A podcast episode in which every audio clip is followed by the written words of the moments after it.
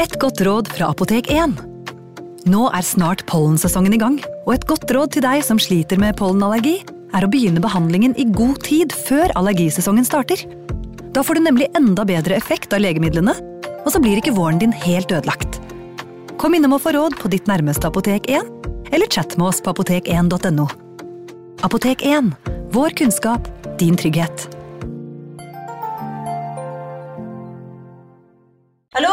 Jeg kommer fra Oslo politikammer. Ine Jansen er purk. Er du purk? The motherfucking bitch. Alt jeg vil, er å finne ut hva som skjedde med mannen min. Jon Carew. Er jeg sikta for noe? Iben Akeli. Det er du. Ole So, Lars Berrum og Big Daddy Karsten. Hvem sin side er du på, egentlig? Anette Hoff, Tone Danielsen, Kommer du fra Afrika? Jørnis Josef, Nesten kløfta. Trond Espen Seim, Det er synd å si det, men det var feil mann som døde. Purk. Premiere tirsdag på TV2 Play. Hei! Takk for at du lytter til True Crime Podden dokumentar. Skulle du ønske at du kunne høre en ny episode av denne podkasten hver eneste uke? Vel, da er det bare å laste ned podkastappen Untold med en gang. I tillegg til ukentlige episoder av podkaster som Skrekkpodden, Synderne og True Crime Podden, får du masse annet reklamefritt og eksklusivt innhold. Last ned Untold i AppStore eller Google Play, og start din 30 dagers prøveperiode i dag.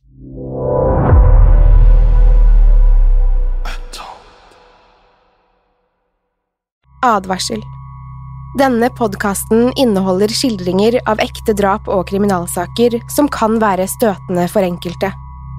Det advares også mot sterke inntrykk i deler av episoden. Alison karret seg på bena og begynte å gå mot veien der hun så lysene fra passerende biler.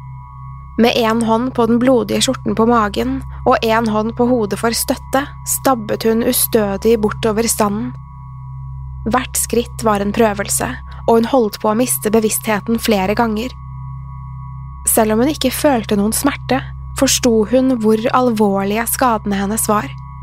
Hun hadde mistet enorme mengder blod, og kroppen var i ferd med å svikte. Likevel visste hun at hun måtte komme seg til veien. Det var hennes eneste mulighet. Om hun døde der, i sanden, kom ingen til å vite at hun kjempet for å overleve. Den tanken gjorde hvert steg lettere, som hun ble løftet av tanken på moren, faren og broren sin. Om ikke for seg selv, så måtte hun gjøre det for dem. Det var dette som drev føttene hennes til å ta ett skritt til, og enda et, helt til hun kjente asfalten mot fotsålene. Så snart hun nådde midten av veien, kollapset hun. Der ble hun liggende på siden mens hun lyttet til sin egen raspende pust. Det var den som skremte henne mest av alt. Mens hun lå der, begynte hun å tenke på bilene som kunne komme imot. Ville de se henne, eller kom de til å kjøre over henne? Det spilte for så vidt ikke noen rolle. Hun var allerede livstruende skadet. Plutselig kunne hun se frontlyktene på en bil rundt svingen. Hun forsøkte å løfte en arm, men kroppen hennes var for svak. Da lysene nærmet seg, slo en annen grusom tanke henne. Hvem var det som satt i den bilen? Var det noen som ville hjelpe, eller var det angriperne som var tilbake? Velkommen til True Crime Podden.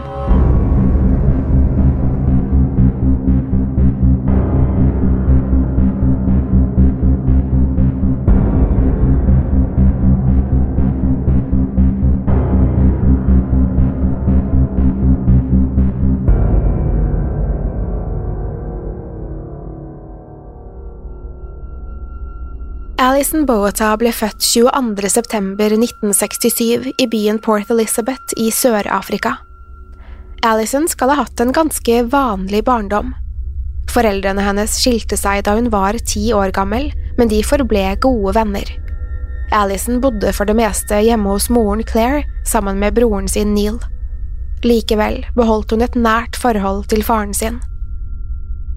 Folk som kjente Alison den gangen, mente hun var selvsikker, bestemt og eventyrlysten. Det var riktignok ikke slik Alison beskrev seg selv. Ifølge henne var hun relativt vanlig, likte ikke å gjøre så mye ut av seg og hadde få planer for fremtiden. Hun gjorde det greit på skolen og var tillitsvalgt flere år på rad i grunnskolen. Det eneste hun ikke likte, var å holde presentasjoner. Hun frøs til hver gang hun skulle snakke høyt foran klassen sin. Da hun var ferdig på videregående skole, valgte hun å studere et år for å bli sekretær. Dette var jobben hun planla å falle tilbake på om hun ikke fant noe som fenget mer. Etter årsstudiet valgte hun å reise en periode. I fire år dro hun verden rundt og opplevde nye kulturer og språk. Da hun kom tilbake til Port Elizabeth, fant hun seg en leilighet for seg selv og tok seg jobb som forsikringsagent. Hun likte jobben sin veldig godt og ville gjerne bli i den så lenge som mulig. Hun var i det hele tatt i ferd med å slå seg til ro med det livet hun levde. Men noe skulle hende med Alison som skulle sette en stopper for alt hun hadde bygget opp. I 1994 var Alison 27 år gammel. Hun hadde en god vennegjeng som tilbrakte mye tid sammen. Den 18. desember var en perfekt sommerdag i Port Elizabeth. Solen hadde stekt hele dagen, og folk flest tilbrakte ettermiddagen på stranden. Det gjorde også Alison og vennene hennes. Da det var blitt kveld, hadde de reist videre hjem til Alison, hvor de hadde bestilt pizza og spilt brettspill til langt på natt. Det var som om ingen egentlig ville at kvelden skulle ende, men da klokken nærmet seg tre på natten, begynte vennene å reise hjem. Tidligere på dagen hadde Alison, som ikke eide egen vaskemaskin, fått låne maskinen til en av venninnene sine, slik at hun fikk tatt en klesvask. Vennene hadde reist direkte derfra til stranden, så Alison hadde ikke fått hentet klesvasken. Derfor tilbød hun seg å kjøre venninnen hjem, slik at hun kunne plukke opp klærne.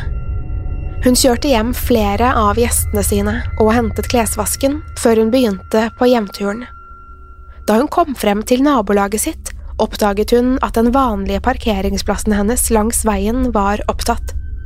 Derfor ble hun nødt til å kjøre litt lenger ned i gaten, hvor det fremdeles var ledig. Alison skrudde av tenningen og strakk seg etter vesken sin og bylten med klesvask i passasjersetet. Plutselig kunne hun kjenne en varm bris over kinnet, etterfulgt av det iskalde stålet til et knivblad mot halsen. Hun snudde seg og fikk se at en mann hadde åpnet førerdøren. Nå sto han lent inn i bilen, med kniven klar til angrep. Alison frøs til. Hun visste verken hva hun skulle gjøre, eller hva mannen ville. Da han truet med å drepe henne om hun ikke byttet sete, gjorde hun som hun fikk beskjed om. Mannen satte seg inn i førersetet og begynte å justere det. Alison så stivt fremfor seg, så over på passasjerdøren. Et øyeblikk vurderte hun å kaste seg ut av bilen og løpe, men hun var for redd til å bevege seg. Så snart mannen hadde stilt inn setet slik han ønsket, satte han bilen i gir og kjørte av gårde inn i natten. Mens de kjørte, introduserte mannen seg som Clinton. Han sa han ikke kom til å skade henne, han trengte bare å låne bilen hennes i en times tid.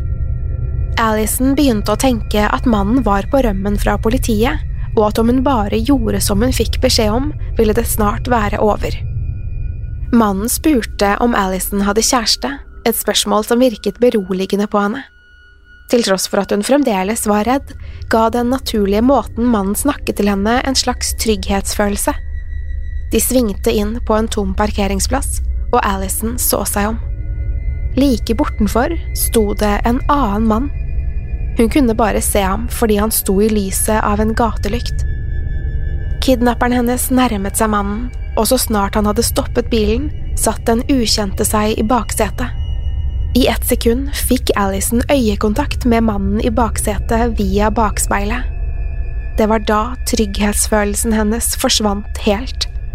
Fra det øyeblikket innså hun at hun aldri kom til å reise hjem igjen. Mannens blikk lyste av ren ondskap og hat. Mannen som kalte seg Clinton, satte bilen i gir igjen, og de svingte ut på veien. Så fortsatte de videre ut av byen. Da bilen passerte den siste gatelykten og inn i villmarken, tenkte Alison at det var det siste lille håpet som brast. Herfra var det kun mørke.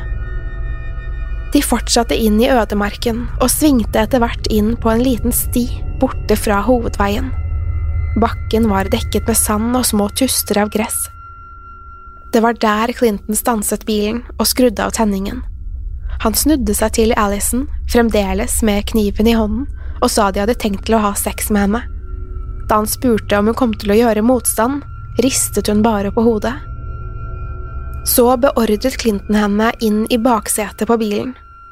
Mens den andre mannen ventet utenfor, tvang han henne til å utføre oralsex på ham. Deretter gjorde han det samme på henne.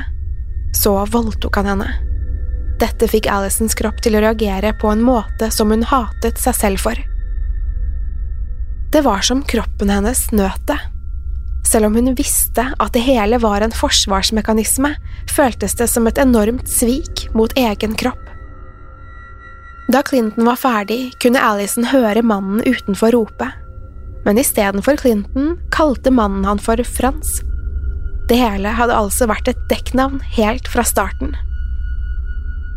Frans responderte og kalte mannen utenfor bilen for Toynes. Frans lurte på om også han ville ha sex med Alison, men til det svarte Toynes nei. Han ville ikke ha sex med henne, han ville voldta henne. Frans bare smilte og sa med en påtatt streng mine at Toynes ikke måtte snakke sånn til en så skjønn kvinne. Man skulle være høflig mot sånne som henne. Så byttet Toynes plass med Frans i baksetet på bilen, sammen med Alison. Det første han gjorde, var å ta tak om halsen på henne. Han klemte så hardt at Alison mistet bevisstheten. Hva som skjedde etter det, visste hun ikke, men da hun kom til seg selv, lå hun ikke lenger i baksetet på bilen. Hun var blitt slept ut på bakken. Over henne sto Frans med kniven hevet over hodet. Så begynte han å stikke henne. Han satt kniven så hardt i henne at hvert stikk var som en kanonkule. Likevel kunne hun ikke kjenne noen smerte. Alison fløt inn og ut av bevissthet og var ikke sikker på om det hele var en drøm eller om dette faktisk skjedde. Plutselig grep Toynes tak i kniven og skar over halsen på Alison. Frans dyttet han bort og tok kniven tilbake. Så fortsatte han å skjære over halsen på henne, igjen og igjen. Alison kunne se hvordan han bevegde kniven frem og tilbake foran henne. Hun kunne høre den våte lyden av kniven som skar gjennom huden hennes, men hun kjente fremdeles ingenting. Alison så månen henge over Frans, som ironisk nok ga ham en glorie. Så forsvant plutselig de to mennene fra Alisons syn. Hun falt over på siden og fikk se dem gå mot bilen. Stemmene deres ble svakere jo lenger unna de gikk. Hun kunne høre bildørene smelle igjen før en klesbylt ble kastet ut av det ene vinduet, som landet like foran henne. Så kjørte de av gårde inn i natten og lot Alison ligge igjen alene for å dø. Det Frans og Toynes ikke visste, var at Alison ikke var død. Hun ble liggende og lytte til sin egen raspende pust gjennom det oppskjærte luftrøret. Mens hun lå slik, ble hun tatt av en voldsom tristhet. Hun skulle aldri få se moren sin eller vennene sine igjen. Hun skulle aldri få reise på jobb igjen. Hun skulle ikke engang få se en ny soloppgang. Med ett føltes det som alt ble stille, og hun så seg selv ovenfra. Hun lå naken og blodig i sanden, sammenkrøllet og skjelvende. Så var det som hun så hovedveien bortenfor trærne og lysene fra bilene som passerte. Det var da hun tenkte at det fremdeles fantes en sjanse for at hun kunne overleve. Om hun bare kunne komme seg bort til veien og fikk vinke til seg en bil, kunne det fremdeles være håp. Da den tanken slo henne, var det som om hun havnet tilbake i kroppen sin. Igjen kunne hun høre sin egen gurglende pust. Alison visste at hun var nødt til å gjøre et forsøk på å komme seg til veien, men først måtte hun gjøre alt hun kunne for at Frans og Toynes aldri kunne angripe noen igjen. Med en skjelvende finger begynte hun å skrive navnene deres i sanden. Om hun ikke skulle overleve, så skulle i alle fall de to angriperne få som fortjent. Like under skrev hun Jeg elsker deg, mamma, som en siste hilsen til moren. Det var da Alison oppdaget at det var vått under henne. Hun kjente etter med hånden og oppdaget at innvollene hennes hang på utsiden av kroppen. Alison skjønte med det samme at hun ikke kunne komme seg noe sted i en sånn tilstand. Derfor strakk hun seg etter skjorten som lå blant bylten med klær foran henne. Hun trakk den til seg og forsøkte å holde innvollene på plass. Så kjempet hun seg opp i en krabbende stilling og begynte å dra seg bortover i retning veien. Blodet farget sanden under henne rød, og hun var i ferd med å miste bevisstheten igjen. Det gikk for sakte. Om hun skulle ha noe håp om å komme seg til veien i live, var hun nødt til å komme seg opp i stående stilling. På mirakuløst vis klarte hun å karre seg opp på bena, men da gikk alt i svart. Da hun fikk synet tilbake, sto hun fremdeles oppreist. Likevel var det noe som ikke stemte. Hun så ikke lenger bakken foran seg. I stedet stirret hun opp på trekronene over seg. Hun løftet den ledige hånden for å ta seg til hodet, og oppdaget at hun stakk den inn i det åpne såret i halsen. Det var da hun innså at angriperne måtte ha skåret tvers gjennom halsmuskelen hennes. Hodet satt ikke lenger rett på skuldrene hennes. Det hadde falt bakover og hvilte mellom skulderbladene. Med den ene hånden fremdeles på skjorten på magen, grep hun tak i hodet sitt med den andre og trakk det opp på skulderen igjen. Slik stavret hun seg frem, helt til hun nådde veien. Da hun kollapset på den gule linjen mellom kjørefeltene, klarte hun ikke lenger å røre seg. Slik lå hun og lyttet til sin egen pust mens hun fløt inn og ut av bevissthet. Men hun kunne ikke gi opp nå, ikke når hun hadde kommet så langt som hun hadde. I det fjerne kunne hun se frontlyktene på en møtende bil. Den kom stadig nærmere, og Alison kunne se at den begynte å sakke farten. Den stanset noen meter fra henne, før den plutselig tok en krapp sving rundt henne og kjørte videre. Alison kunne høre hvordan den akselererte og forsvant bak henne. Litt senere kunne hun se lyktene på enda en bil. Også denne begynte å sakke farten og stanset like foran henne. Men denne gangen kjørte den ikke videre. I stedet kom det flere personer ut av dørene. Alison kunne se en mann komme løpende mot henne. Mannen grep tak i hånden hennes og forsøkte å snakke med henne, men hun kunne ikke bevege seg. Det eneste hun klarte, var å få øyekontakt med ham. Den ukjente mannen var Tian Aylard, en ung veterinærstudent fra Johannesburg som var på ferie i Port Elizabeth. Han rev av seg skjorten og dekket Alison med den i et forsøk på å holde henne varm. Så ropte han til de andre at noen måtte ringe etter hjelp. Mens de ventet, lå han på asfalten og holdt Alisons hånd. Han snakket med henne og prøvde å overbevise henne om at alt ville gå bra. Alison gjorde sitt beste for å holde seg i live. Tian gjorde alt han kunne for å hjelpe henne, og hun ville ikke svikte han. I nærmere 40 minutter lå de slik og ventet før ambulansen kom. Det var til tross for at det ikke var mer enn 15 minutters kjøretur til sykehuset fra der Alison lå.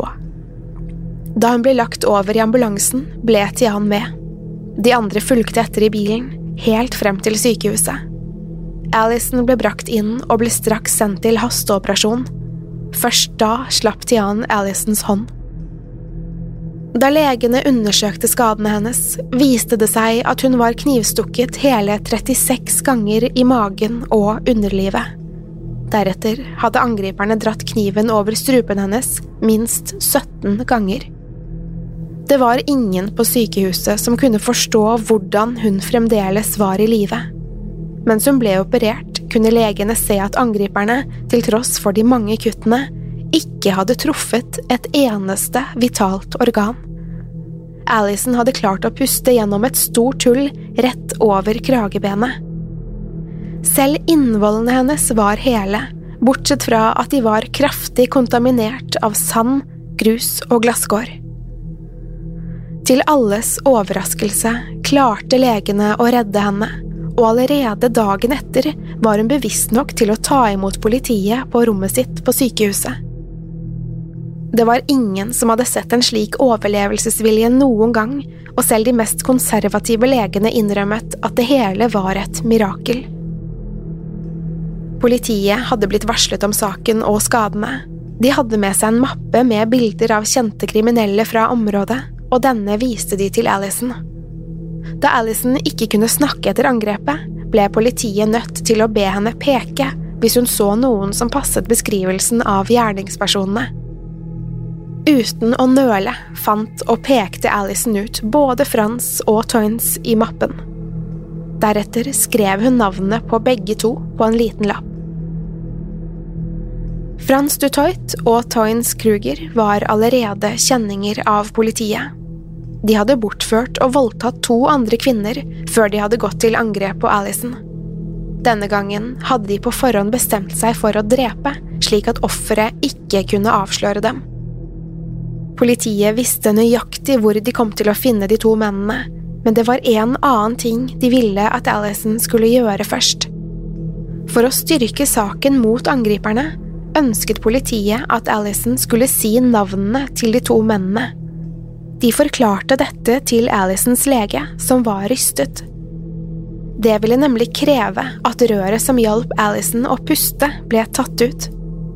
Legen gikk til Alison og forklarte det hele og la vekt på farene ved dette. Uten å nøle skrev Alison at han skulle fjerne røret, og han gjorde som hun ba om. Med politiet til stede ble røret trukket ut, og Alison sa navnene til angriperne sine. Nå gikk politiet til arrestasjon og tok Frans og Toynes inn til avhør. Da de fikk høre at Alison fremdeles var i live, var det som luften gikk ut av dem. De kunne ikke tro det politiet fortalte. Dette førte til at mennene sa de ikke kom til å ha noe å skjule. Om Alison ikke var død etter det de hadde utsatt henne for, var det nytteløst å nekte. De hadde ingenting de kunne si til sitt forsvar. Likevel fantes det strenge lover for hvordan en identifikasjon av en kriminell skulle foregå i Sør-Afrika. I henhold til loven skulle offeret av en kriminell handling stå ansikt til ansikt med angriperen og legge hånden på skulderen deres. Slik skulle de stå mens de ble fotografert. På den måten hadde retten bevis for hvem offeret pekte ut som sin angriper. Det ble snart klart at dette ville være en umulig påkjenning for Alison. Hvordan skulle hun klare å legge hånden på mennene som hadde voldtatt og forsøkt å drepe henne? I en utrolig vending ble derfor loven endret, slik at Alison fremdeles kunne identifisere Frans og Toynes. I stedet for å møte dem, skulle hun peke dem ut fra baksiden av et enveisspeil. Fra det øyeblikket ble dette den nye standarden for identifisering av kriminelle i Sør-Afrika. I forkant av rettssaken var det Frans som gjorde et siste forsøk på å unnslippe straff. Mens han satt i varetekt, ba han om å få se en prest. Han mente nemlig at han var besatt av to demoner, og at det var de som hadde begått drapsforsøket, ikke han selv. En prest ble sendt inn, men det ble snart oppdaget at det hele var et triks. Frans hadde nemlig ikke styr på hvem de to demonene var. Dermed kunne retten fastslå at han, med viten og vilje, hadde begått de groteske handlingene. Da rettssaken startet, tok det ikke lang tid før Frans og Toynes ble funnet skyldige i frihetsberøvelse, voldtekt og drapsforsøk. Da dommen skulle avsies, fikk Toynes én livstidsdom pluss 25 år. Frans, som hadde hatt en mer aktiv rolle i angrepet, fikk tre livstidsdommer. Dommeren i saken sa i ettertid at han aldri ville nølt med å gi de to dødsstraff om det hadde vært mulig i Sør-Afrika. I stedet sørget han for å anbefale at angriperne aldri fikk muligheten for prøveløslatelse. Til tross for dette fikk både Frans og Toynes innvilget mulighet for prøveløslatelse i 2015. Altså kan de begge slippe fri en gang i fremtiden. Alison og familien hennes har flere ganger forsøkt å appellere til rettssystemet om å inndra dette igjen, men de har fremdeles ikke lykkes. Alison Boata fikk angriperne sine dømt, men hun sitter fremdeles igjen med sår som aldri vil gro helt. Hun har konstante smerter og komplikasjoner etter drapsforsøket som hun for alltid må leve med. Etter hendelsen kunne hun ikke gå tilbake til sitt vanlige liv. Etter lang tid med smertefull rehabilitering endte hun opp med alvorlig depresjon. Det var som ingenting var viktig for henne lenger. Hun brydde seg ikke lenger om jobben sin, vennene sine eller familien sin. Det var helt til hun innså at hun en gang hadde valgt å leve, til tross for at sjansene var lik null for at hun skulle lykkes. Dette måtte hun gjøre igjen for å bryte ut av depresjonen. Alison lever fremdeles den dag i dag og reiser verden rundt og holder foredrag. Her forteller hun sin historie og inspirerer andre til å velge liv, selv når alle oddsene er imot. Alisons historie er av den utrolige sorten som mange i ettertid har hatt vansker med å forstå. Den er et bevis på hennes vilje til å overleve, uansett hva som står i veien.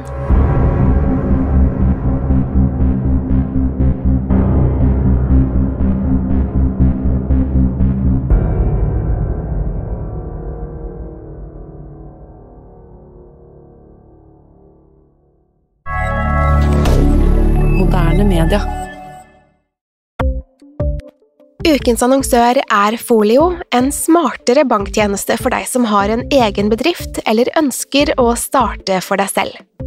Folio er en superenkel nettbank for bedrifter. Som kunde i Folio får du en bedriftskonto med et bedriftskort og app.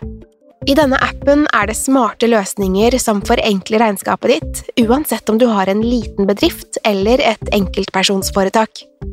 Folio er både intuitivt og brukervennlig, og er laget med et enkelt språk. I tillegg tilbyr de forutsigbare priser og ingen skjulte gebyrer. Skulle du likevel trenge det, så kan du snakke med deres raske og hyggelige kundeservice, og der får du prate med en faktisk person og ikke en chatbot. Folio er med andre ord både enklere og koseligere enn banken.